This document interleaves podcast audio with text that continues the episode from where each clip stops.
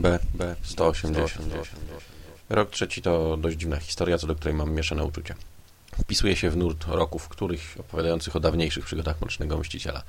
W pewien sposób, bo jest też pomostem między historiami Death in the Family i Lonely Place of Dying, opowiadającymi odpowiednio o śmierci drugiego oraz pojawieniu się trzeciego Robina. Sama zaś głównie opowiada o pierwszym z nich. Oto czas po śmierci Jasona Toda. Batman świruje, stał się zbyt brutalny, zbyt dziki, zbyt mroczny.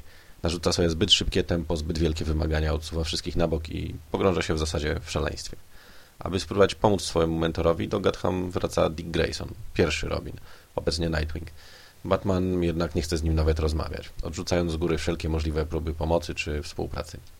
Tymczasem nie jest to jedyne zmartwienie Graysona. Dowiaduje się, że na wolność ma właśnie wyjść Tony Zuko, siedzący od dekady za kratami gangster, bezpośrednio odpowiedzialny za śmierć rodziców Dicka. Jednocześnie z wątkiem obecnym przewijają się w roku trzecim wspomnienia. Oto śmierć Graysonów, adopcja małego sieroty przez Playboya Wayne'a, pierwsze przywdzianie stroju. Smaczkiem jest e, pierwsze pojawienie bezimiennego jeszcze wtedy Tima Drake'a, który wiele lat później ma przywdziać również strój Robina. Do tego dochodzą retrospekcje dotyczące Zuko. Scenariusz jest dość zagmatwany. W sprawy wikła się wiele, może nawet zbyt wiele osób. Zaangażowany jest Alfred, szefowie gangsterskiego podziemia, pewna zakonnica. W którymś momencie ciężko jest e, się połapać i można nawet na moment stracić rozeznanie. Jednak jest to dość dobrze odrobiony gackowy epizod i warto się w niego zagłębić, chociażby ze względu na klasyczny origin Graysona, na którym wzorowane były wydarzenia m.in. z Dark Victory.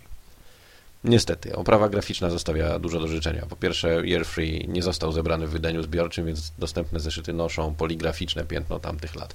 Ząb czasu też robi swoje. No i kreska nie powala. Opowieść zilustrował Pat Broderick, którego osobiście bardzo cenię za polski run Green Lanterna.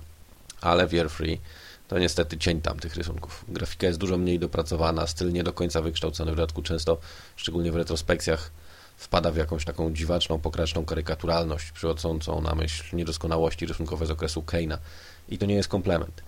Zostaje spory niedosyt. Tym bardziej, że styl stylem, ale ogólnie oprawa graficzna nie wyróżnia się niczym szczególnym. Statyczne kadrowanie, spora estetyczność.